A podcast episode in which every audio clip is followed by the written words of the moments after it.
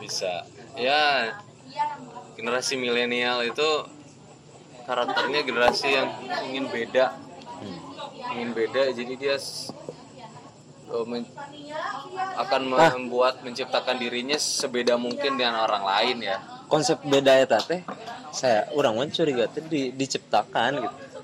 Eh ada ada proses. Kan gini eh, kalau orang kan tergantung apa yang dia baca dan dia lihat dan orang anak-anak milenial kan kalau di ditelaah dari dari apa yang kita lihat gitu, sampai sampai beberapa tahun terakhir tuh, eh isi isinya ya memang tentang berbeda gitu. being different being ya, hmm, being unik gitu. pada akhirnya teh jangan-jangan teh itu yang memang dibentuk sama pasaran gitu. hmm, cek orang te- tidak sepenuhnya lebih lebih cenderung ada pola Pola pola sosial ya ya pola sosial hukum sosial ya sebagai sebuah siklus ya dalam dalam pergerakan peradaban manusia yang sebenarnya dia punya kecenderungan untuk berulang Gitu ya. yang mengkarakterisasi generasi milenial. Milenial itu kan generasi Z dan Y ya. Eh tapi bener tuh sih. Kan ianya generasi banyak saking banyak penggunaan kata generasi milenial kan baru-baru sekarang orang mulai memahami mulai tahu mulai aware sama generasi X itu apa generasi Z itu apa. Baby boomer mungkin bagi kalangan perkotaan memahami tapi generasi X milenial istilah-istilah itu teh sekarang tuh bisa sampai dipahami sama orang awam Heeh. mungkin bukan dipahami lebih lebih di dikenal gitu akrab. ya itu. beda dengan baby boomer kan ketika saya kecil teh saya nggak tahu istilah baby boomer baru tahu ketika masuk perkuliahan gitu. baby boomer itu generasi 60 kan? Eh oh baby boomer X ya terus X ya. Pasca kolon pasca kolonial. So, nah, itu terminologi terus rentang waktu di tiap di tiap eh, negara ya atau itu berbeda gitu.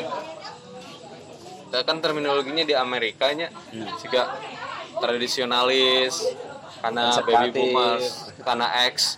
Itu kan ada ada pembeda eh, babak-babak ya. Misalnya ada ada babak-babak perang.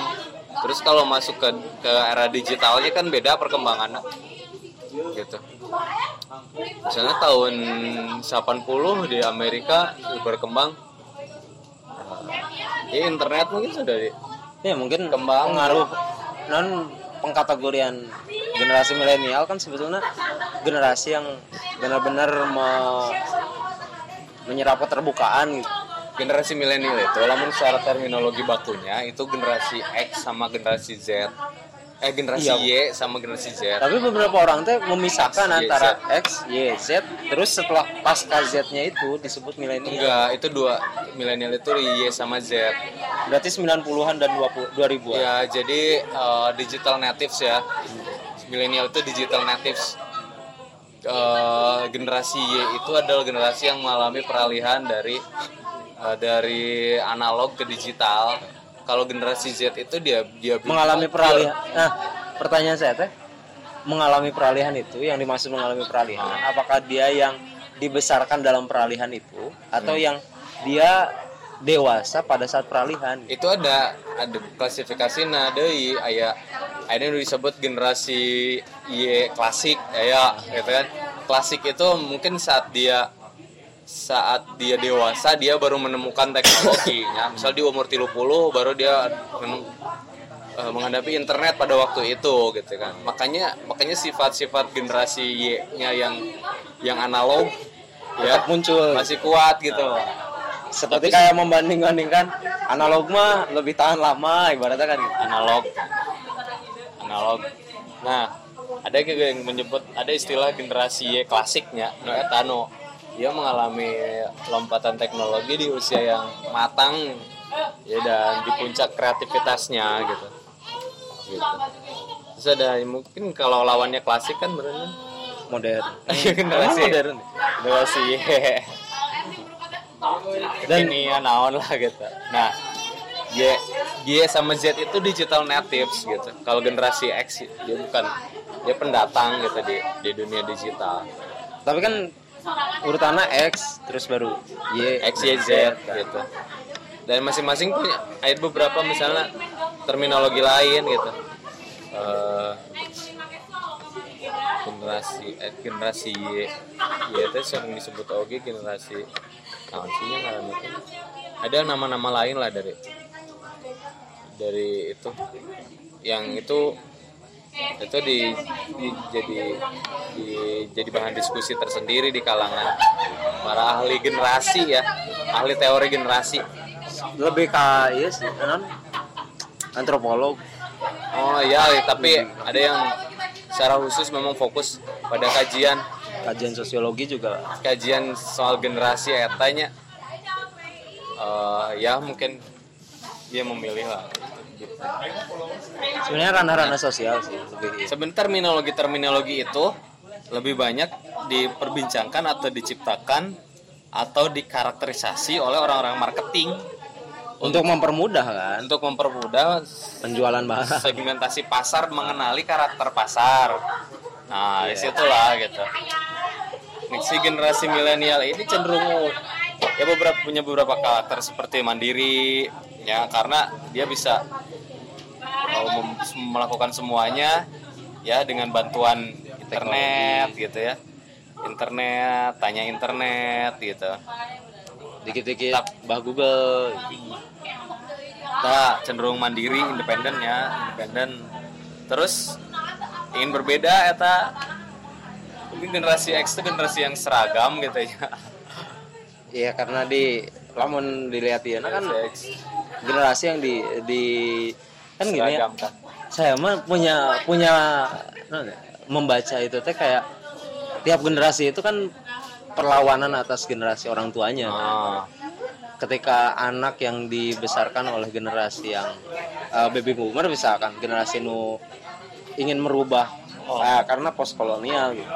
mereka itu kan akhirnya menciptakan penyeragaman nah setelah itu kemudian muncul orang-orang yang ingin X mengeluarkan uh, mengeluarkan diri dari keseragaman itu gitu.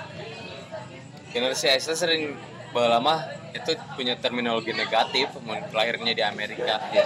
di generasi nu bingung gitu di ngaran X gitu karena, karena ini nah si Gana eta zaman zaman hippies negara itu nya uh, sebenarnya negara mapan ya sudah mapan established gitu kenapa harus perang. kenapa harus keluar dari sistem itu gitu uh -huh. jadi bingung disorientasi gitu orientasi gitu perang beres katanya gitu gitu jadi ini diorientasi berarti jangan-jangan penamaan Y dan Z sebetulnya karena generasi yang X-nya itu ya, gitu. X-nya. karena terlanjur disebut generasi X, X sebagai generasi yang tidak bisa mengkategorikan mengkategorikan diri ha. akhirnya yang sisanya ya disebut Y dan Z gitu ha. Yang sebetulnya ya tadi istilah Y dan Z kalau bahasa sekarang ya generasi milenial gitu. Ah.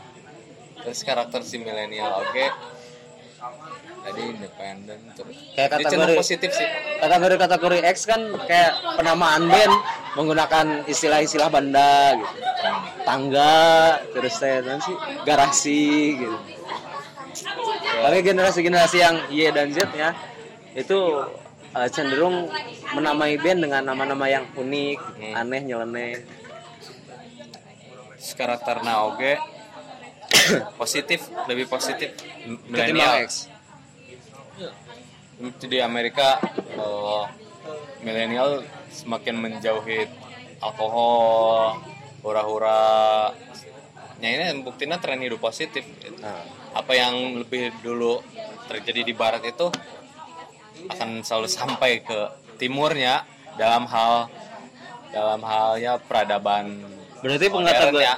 berarti pengkategorian itu memang masa dia berkembang kan bukan masa ada penanda zamannya hmm. ada penanda zamannya kan orang tidak tahu pasti kapan persisnya oh, baby boomers beralih ke X gitu apa X masa depresi gitu ya sih nama kayaknya sih nama depresi ekonomi menurut namun di namun si mah analog. Zaman nah. analog. Mulai masuk analog. Zaman zaman TV mungkin. Eh ya enggak ya, TV mungkin. TV kan baby boomers justru. Ya yang lain yang lah munculnya gitu muncul di TV-nya baby boomers. Teknologi teknologi. Si Z-nya kita internet, internet. Yang dari kecil mungkinnya lebih tepatnya lamun Z si Z yang dari sudah kecil. dengan internet. Ah, dengan digital gitu ah. Kan polemik-polemik ini kan muncul. Kayak misalkan di sekolah kemarin kan eh, sempat HP kan di, dikumpulkan terus. Nah yang menarik itunya di antara di kalangan guru teh muncul dua dua pandangan. Ada ada yang memang melihat eh, teknologi itu sebagai tantangan yang harus ditaklukkan gitu jadi siswa diberikan HP ya memang sengaja sengaja dibuat dibuat apa ya, dites gitu ibaratnya diberikan tes apakah dia bisa untuk eh, mengendalikan teknologi itu atau tidak. Atau eh, dan di sisi lain ada generasi yang melihat apa ya dengan dipisahkan mereka menjadi lebih baik gitu. Jadi pola pola pola lama yang tidak menggunakan HP tidak menggunakan teknologi itu kemudian menjadikan anak lebih fokus. Nah saya teh kan ngelihat ini kan pe- peperangan ideologi ayeuna di, di di ranah pendidikan lebih khusus nanti Eh, orang-orang tua tuh kan bisa dibilang tidak tidak adaptif secara ini. Karena karena internet dan teknologi sekarang kan setiap detiknya perkembangannya benar-benar jauh gitu. Apalagi kalau lihat eh, gradasi gradasi perubahan gitu. Gradasi perubahan dari mulai analog perkembangan kita tuh melesatnya jauh gitu. nah muncul mengandi gitu kapan sih peperangan ini tuh selesai gitu? Dan dimenangkan karena pe- pe- peperangan ini mau nggak mau pasti dimenangkan sama teknologi kan. Pasti akan ada masa di mana orang tua keseluruhannya eh enggak enggak keseluruhan. Generalnya generalnya menggunakan teknologi secara bijak gitu. ada akan ada generasi yang ketika dia tua dia memiliki pola tertentu yang membuat anak-anak dan generasi selanjutnya ini dipaksa untuk beradaptasi gitu. Dengan perubahan. Dengan penggunaan teknologi itu masih mencari bentuk ya. Hmm. model gitu. Model yang paling ideal dan paling bijaksana. Pada akhirnya ya orang percaya manusia mah bijaksana gitu Hmm. sebenarnya pada setiap krisis itu selalu berusaha diselesaikan gitu Iya.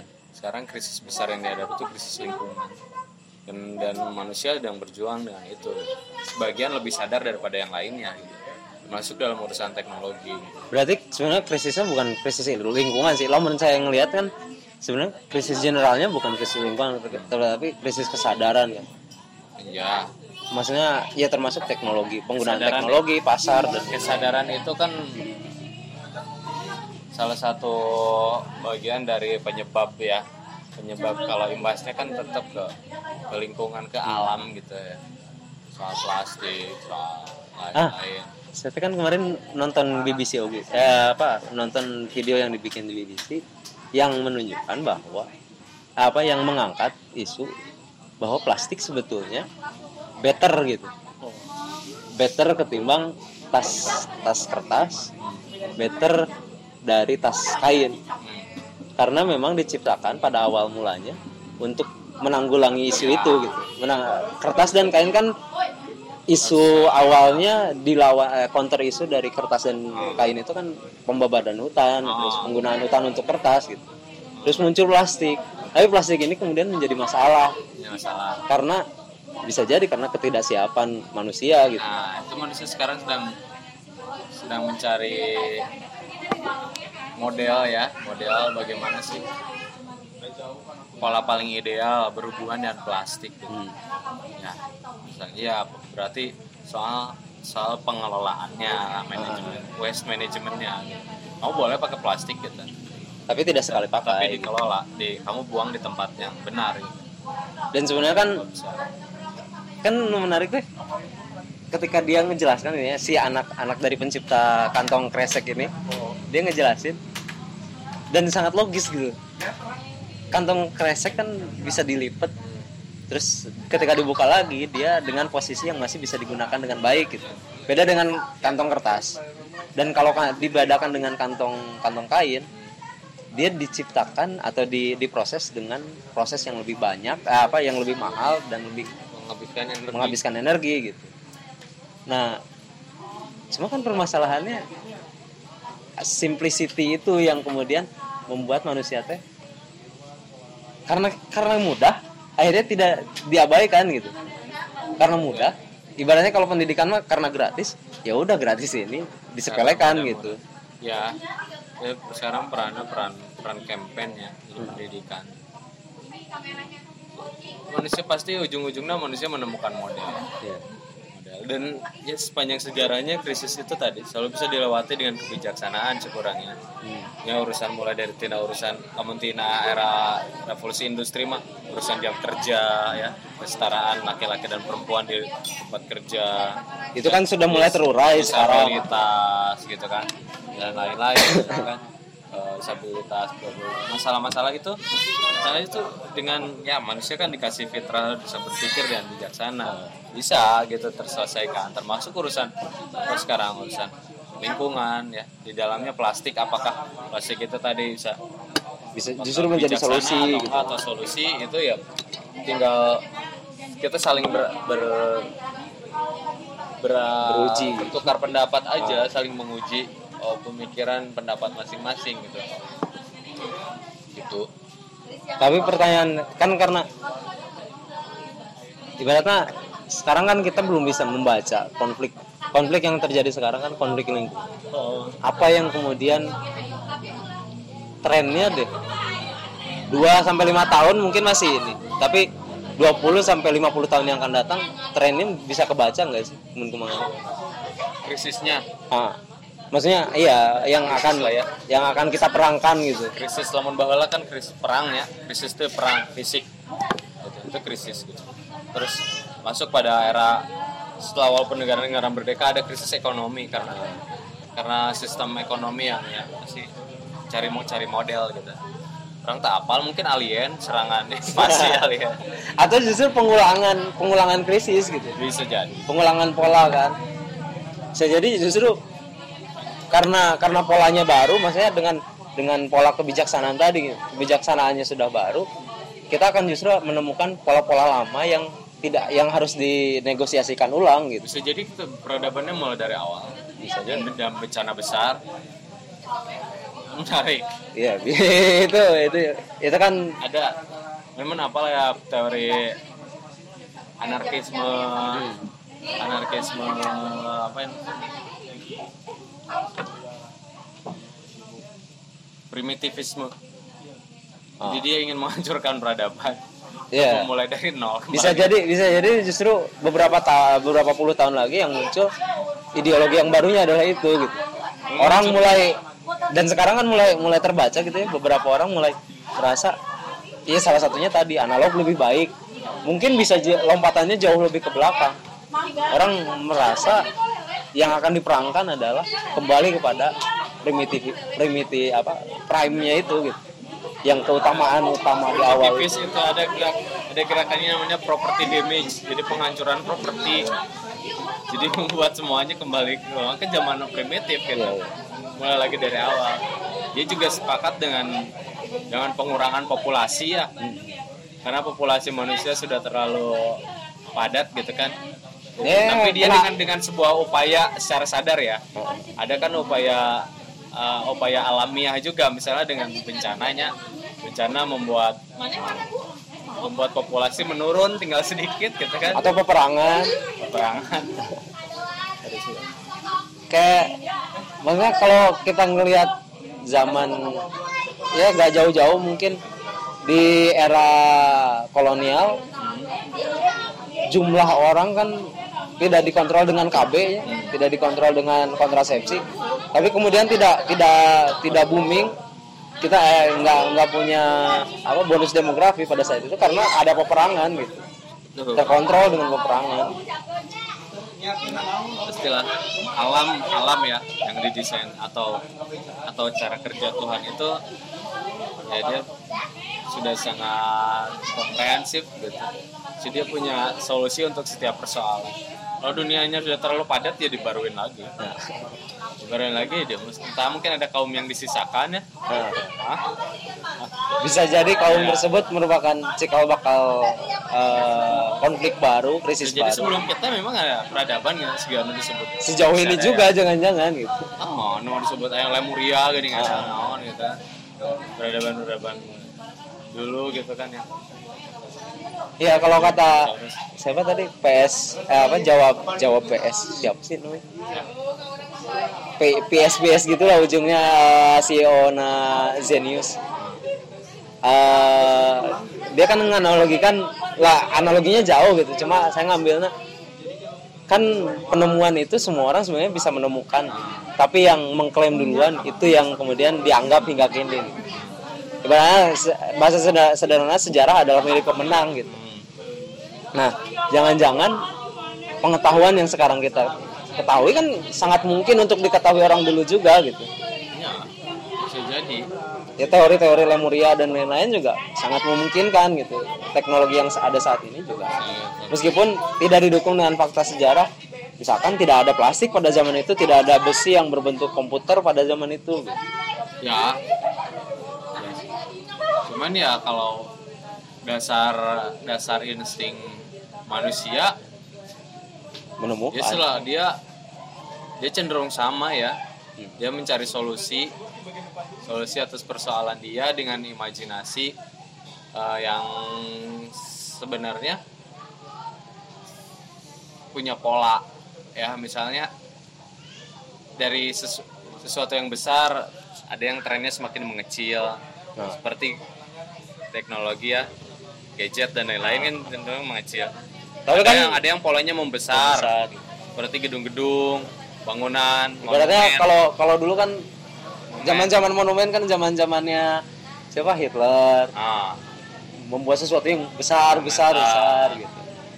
Tapi kemudian Iya. zaman-zaman sekarang mengecil. sekarang juga bangunan mau tetap tetap aja punya obsesi untuk besar Eh, meninggi lebih gitu kan. lebih ini sih lebih kalau sekarang lebih compact mungkin istilahnya. Lebih- sekarang meninggi ya misalnya. Gedung tertinggi masih terobsesi masih berlomba-lomba. nah, untuk urusan-urusan tertentu semakin mengecil. Itu kan pola pola in- insting dasar manusia ya misalnya. Ah, gitu. Terus ya banyak hal gitu. Oh ingin semuanya lebih cepat lebih apa? Lebih mudah. Orang nggak akan mau lebih sulit. Pasti ingin lebih mudah. Kecuali kecuali sesuatu yang tapi lebih mudah. Iya sih. jadi apa pun teknologinya eh, kemungkinan ya pola kerjanya adalah eh, tidak bebas dari Ah, insting-insting dasar manusia lebih tepatnya mungkin bukan lebih lebih lambat ya. Maksudnya saya kan mau mengcounter itunya. Tidak tidak semua karena yang tadi kan lebih mengecil kemudian lebih membesar. Nah, yang itu teh juga ada gitu. Tidak tidak hanya lebih lebih kecil tetapi lebih mahal gitu. lebih mahal Pro- dalam proses itu kan dibuat sedemikian rupa menjadi agak lebih rumit sehingga hasil yang diciptakannya lebih mahal, lebih prestis. bisa ada yang lebih mahal ada yang cenderungan lebih murah Amin Ferrari juga kan? Lebih murah lebih massal lebih massal lebih makin massal makin murah. Dan mak- makin kecil biasanya mungkin compact ah. Karena lebih personal di dibawa ke mana-mana sementara sesuatu yang mahal lebih personal. jarang dibawa ke bawah jarang bisa dibawa ke mana-mana. Tapi ya tapi tidak semuanya mengecil ada yang membesar. Model gedung-gedung nah itu kan yang obsesi tentang kebesaran. Misalkan dalam transportasi juga dalam dalam hal fabrikasi beberapa kan ada yang lebih membesar gitu. Besar Tetap ada yang lebih kapal terbang. Ah iya. Yang gede-gede. Roket eh, enggak enggak termasuk sih. kapal sai. Oh nah itu ngaranna kapal selam. Makin besar karena akan jadi lebih lebih prestis. Kapal selam terbesar. gitu.